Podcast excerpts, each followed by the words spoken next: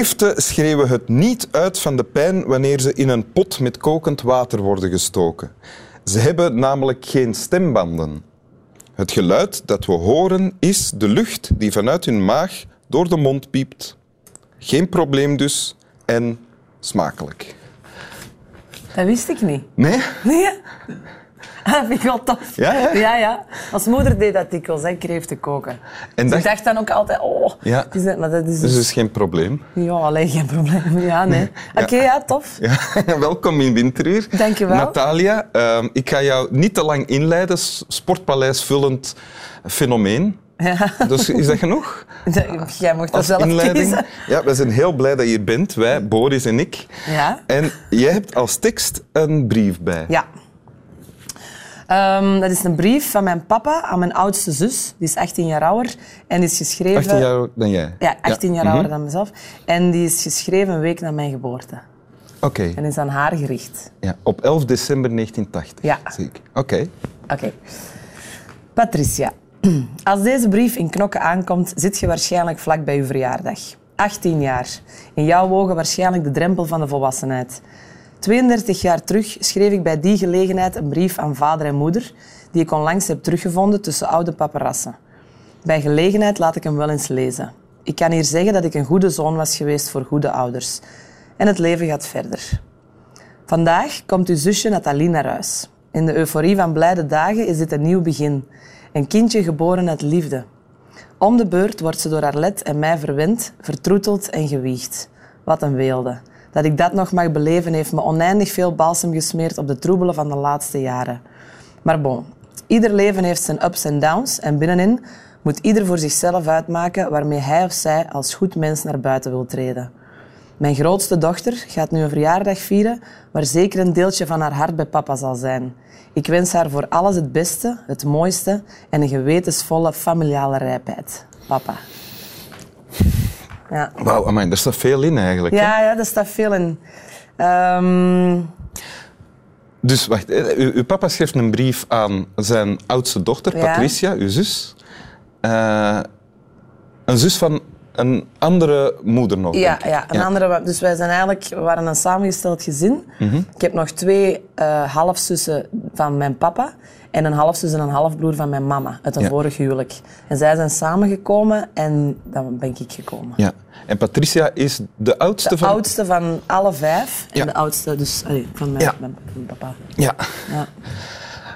Heb je, heb je die al lang, die brief? Ehm, ik heb die eh, een jaar, eh, denk ik. Wacht even zeggen. Ja, eh, vorig jaar in december ben ik met mijn vier zussen gaan eten. Ja. Allee, of drie zussen en mezelf dan. En dan kwamen ze daar ineens mee opzetten.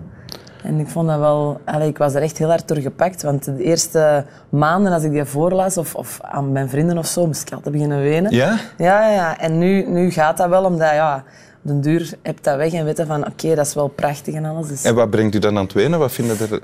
Uw papa leeft niet meer. Nee, nee, nee. Mijn papa is gestorven zeven jaar geleden. Ja? Ehm, en die een, eh, wat ik vooral vind van deze brief, dat is dat, ehm, dat er staat, er is een kind geboren uit liefde. Hè, dus eh, mijn papa heeft mij ook heel veel verteld als hij hem op intensieve lag eh, voor zijn operaties van kanker en zo. En, en, en hij vertelde toen eigenlijk ook over zijn vorige leven. En ja, er is heel veel gebeurd en er is heel veel zever geweest, dat eigenlijk dat een scheiding met zich meebrengt. Ja? En ik vond dat gewoon heel mooi om te weten dat mijn vader de bevestiging heeft gegeven, onbewust. Want dat is nooit... Je weet dat wel ergens, maar dat ik een kind ben dat gemaakt is uit liefde. En ik vind dat heel veel mensen tegenwoordig er allemaal niet veel meer over nadenken. Dat die maar klein mannen maken en dat dat allemaal maar niet zo nauw stikt. En dat dat maar... Ja, ik vind dat echt... Ja, ja, ja, je vindt dat grappig, maar ik Ja, dat dat echt. zegt dat u maar klein mannen maakt. Ja, ik vind dat er veel te weinig wordt over nagedacht. En de verantwoordelijkheid van een kind op de wereld te zetten, dat wordt heel licht overgegaan, vind ik. En ik vind dat... En, allee, ik heb geen kinderen, maar dat is ook waarschijnlijk omdat ik er heel veel heb over nagedacht en alles. En, Wil, je, ik zeg- wil je kinderen? Ja, ik zeg nooit nooit. Hè. Dat is, ik sta er absoluut voor open. Maar ik heb niet zoiets van... ja, ik had er al tien kunnen hebben. maar ik heb zoiets van... Ja, je, ik, je wilt dat niet zomaar op de wereld zetten. Dat is niet om iets om mee te spelen. Hè. Allee, ja.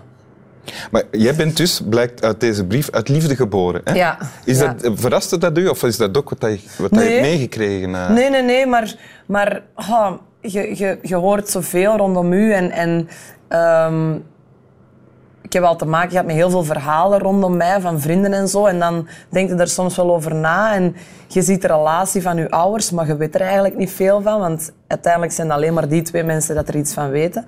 Ehm, en ik, je voelt dat ergens wel. Hè. Je voelt wel, ik was wel zo wat... De, allez, zo het febbeke van de papa. En iedereen Ja. dacht altijd dat Ja. ik heel verwend was. Maar eigenlijk, nu begrijp ik waarom. Omdat er, omdat er... Mijn vader was 50 als ik Hij was geboren 50 ben. dus toen hij deze brief schreef ook. Ja, ja? En hij zei altijd van ja, ik, ik kan zoveel meer wijsheid meegeven aan, aan u dan dat ik aan mijn vorige kinderen heb kunnen doen. En heeft hem dat ook gedaan dan? Ja, ik vind dat wel. Ja, ik ben heel blij dat ik een papa had die 50 jaar ouder was. En wat, wat, wat is dat dan, die wijsheid? Ja, sowieso. Als je 50 bent, denk ik dat je meer weet dan dat je 30 bent of 20, hè, als je een kleine maakt. Hè. Ja. Dus ik denk dat je dat ook gewoon kunt doorgeven aan je kinderen. En ik vind dat gewoon heel belangrijk voor het verdere verloop van hun leven. Allee. Ja. En eigenlijk wat uw vader ook doet, hij zet zichzelf en uw zus en u ook allemaal in de traditie, want hij heeft het over...